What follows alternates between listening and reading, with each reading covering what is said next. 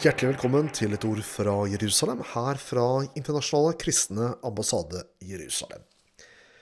I neste uke, tirsdag 2. mars, går Israel nok en gang til et nyvalg.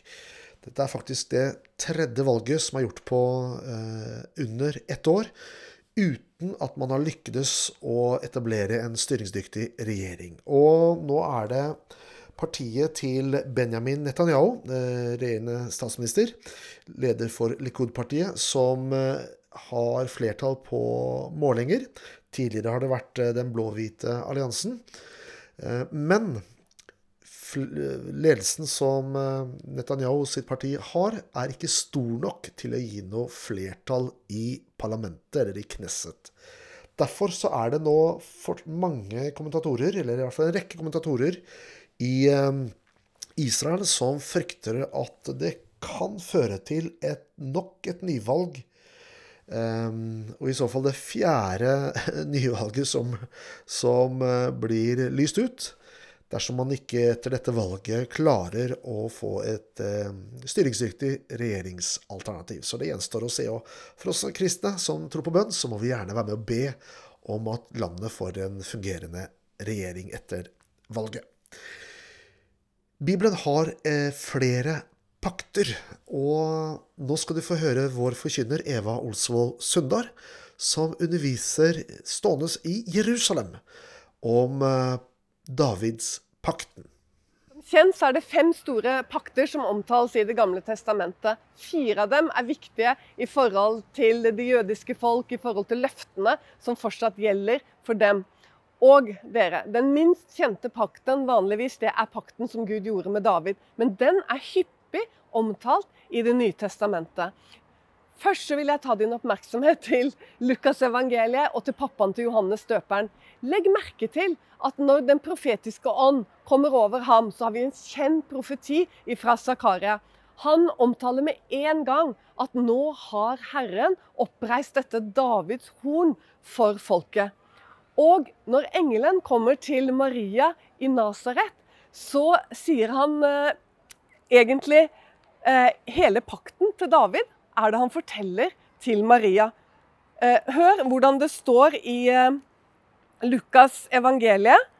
I det første kapitlet og i det 30. verset så står det på denne måten. Da sa engelen til henne, frykt ikke Maria, for du har funnet nåde hos Gud. Og se, du skal bli med barn og føde en sønn, og du skal gi ham navnet Jesus. Han skal være stor, og han skal kalles den høyeste sønn. Og Herren Gud skal gi ham hans far Davids trone. Og han skal herske over Jakobs hus for evig. Og hans rike skal ikke ha noen avslutning fantastisk! Det engelen sier til Maria, det er hele pakten som Gud gjorde med David. Om at etter at David var død og begravet for lenge siden, så skulle Gud oppreise en av hans sønner, i betydningen han skulle komme av hans etterlinje. Og han skulle være konge, og han skulle ha et kongerike som aldri noen gang skulle få noen ende. Og han skulle bygge huset for Herren. David han fikk rett og slett åpenbaring fra Gud om at Gud skal sende eh, frelseren, og at han skal ha et kongerike, og at dette riket ikke skal ha noen ende. Dette er det folket på den tiden hvor Jesus blir født i Betlehem. Så er egentlig forventningen stor i Israel fordi de vet gjennom profeten Daniel omtrent hvilken tid denne kongen, som skulle være av Davids ett, skulle fødes i Betlehem. Og Vi husker også Simeon, denne gudfryktige mannen, som da Jesus ble båret inn i tempelet etter loven, så står det at han kom drevet av Den hellige ånd inn i tempelet.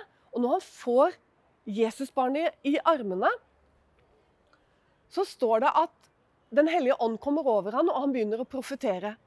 Og det han gjør, er at han profeterer eh, ordene fra Jesaja, som bygger på pakten med David. Og han sier det at eh, dette barnet eh, skal være en herlighet for Israel og et lys til åpenbaring for hedningene. Altså to forskjellige ting. Han er ikke et lys til åpenbaring for Israel, for folket, men han skal være det for hedningene. Hva betyr dette? Jo, herlighet. Det ordet som her brukes, det henspiller på pakten fra Jesaja 42. For der står det ordrett han skal være en pakt for folket, og han skal være et lys til åpenbaring for hedningene. Og det er ikke bare eh, hos profeten Jesaja i det 42. 42. kapittel at denne åpenbaringen fra Gud kommer, om at han eh, ikke bare skal være konge for Israel, men Gud har større planer. og det kan vi også se i det 49. kapittel hos samme profeten, Jesaja, og i det sjette verset. Der står det noe som er utrolig viktig, og det er nemlig at eh, denne Guds tjener, Messias eh, Gud sier gjennom Jesaja at det er for lite at du er min tjener til å oppreise Israels tolv stammer. Altså, det er bestemt. Det ligger fastsatt. Men for Gud så er det akkurat som han formidler til oss at dette, det er for lite. Han han vil bruke sin tjener til mer. Og hva er dette mer? Jo, det er at han vil gjøre han eh, til frelse for jordens ender. Og han vil gi ham for alle folkeslag. Og det står sånn at 'jeg sender deg til jordens ender'. Ikke alle i Israel på den tiden Jesus kom, hadde denne eh, åpenbaringen eh, om at eh, Jesus skulle være en eh, oppreist tjener også for hedningene. Eh, jødefolket tenkte sånn at han var eh, Davids sønn for å samle Israels tolv stammer. Akkurat sånn som engelen også sier til Maria. Han skal herske over Jakob. Og når det står Jakob, dere, så betyr det alltid det jødiske folk. Altså fordi Jakob er stamfaren til de tolv stammene. Han er, han, er, han er liksom stamfaren. Så når det ordet Jakob brukes istedenfor Israel eller i stedet for jødene, så er det alltid i betydningen hele folket. Og det er jo bare utrolig at englene sier akkurat dette. At han skal herske over Jakob, han skal herske over hele folket. Men det er bare en fortsettelse av pakten som Gud gjorde med David, og pakten som Gud gjorde med Abraham. Så ligger alt dette, og paktene de er jo evige. Så dere, da er det heller ikke noe rart at når disiplene står sammen på, med Jesus på Oljeberget, like før Jesus blir tatt bort ifra dem, da har han vandret med eh, folket, eller for å si det sånn, han har åpenbart seg gjennom 40 dager etter oppstandelsen, og dette er det aller siste som skjer før han forlater dem.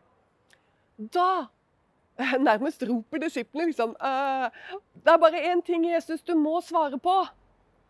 Og det er selvfølgelig dette. Når du kommer igjen, for det har han sagt til dem, han kommer igjen. Men så må de ha svar på dette. For det har med pakten å gjøre. Og hele Israelfolket, hele Jakob, er jo ikke frelst. Så de forstår ikke, så derfor sier de oppretter du på den tid, når du kommer igjen, riket for Israel.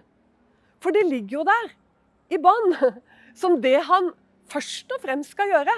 Det er å herske over det jødiske folk, over Israels tolv stammer. Og da svarer han bekreftende. For han sier det at han på en måte, Det ligger der, han bekrefter det. Men så sier han det er ikke gitt dere å vite tider og stunder som Faderen har bestemt av sin egen makt. Og det samme skjer egentlig hvis du leser i Apostlenes gjerninger. Når Peter underviser i Salomos bueganger, så eh, sier Peter til folket som hører på han, og som ennå ikke har kommet til tro, men de vil gjerne lytte, de vil gjerne høre om dette, hvorvidt Jesus skulle være Messias. Så sier Peter at 'venn om', slik at han kan komme tilbake, og Gud kan opprette dette riket som vi alle venter på. Det som var vanskelig for jødene, var nemlig dette at de visste ikke og forsto ikke eh, alltid det profetiske ord. Noen forsto det. Og Et eksempel på det var jo Simon, som, som, som, på en måte Når han holdt Jesus, så begynte han med en gang å profetere det som lå i skriftene. At han skulle ikke bare være til jødene, han skulle også være til hedningene. Men vær klar over det. Det tok ca. 18 år før man begynte i det hele tatt å forkynne for hedningene. Du vet at Paulus gikk jo bare i synagogene den første tid.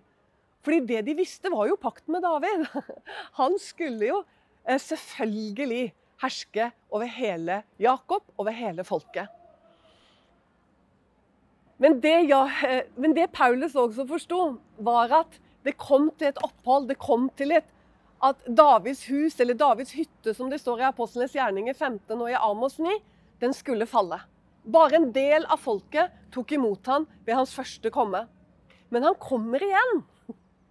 Og da, dere, skal han gjenopprette Davids falne hytte. Profetene har sett dette. Eh, mange av dem, og spesielt så finner vi disse profetiene hos Jesaja. Dette at han skulle komme en gang som den lidende tjener. Fordi han skulle ta eh, bort synden. Men han skulle også komme igjen for å opprette riket for Israel, for Jakob, men ikke bare for dem.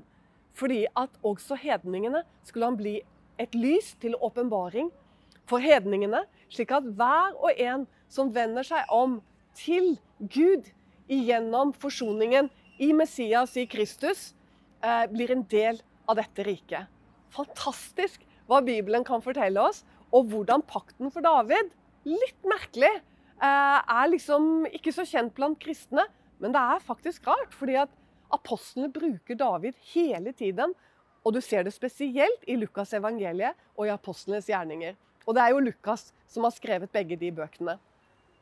Så les Bibelen og få en enda større Gud. Det var en hilsen fra oss her i Israel. Ja, Du hørte her et opptak av Den kristne ambassades forkynner, Eva Olsvold Sundar. Jeg anbefaler deg å følge oss på Facebook. Du finner oss på ICJ Norge. og Der kan du like vår side, og så får du våre saker inn i din nyhetsstrøm. Du har lyttet til et ord fra Jerusalem, fra Internasjonale kristne ambassade Jerusalem. Mitt navn det er Dag Øyvind Juliussen. Og jeg ønsker deg Guds rike velsignelse, og takk for følget.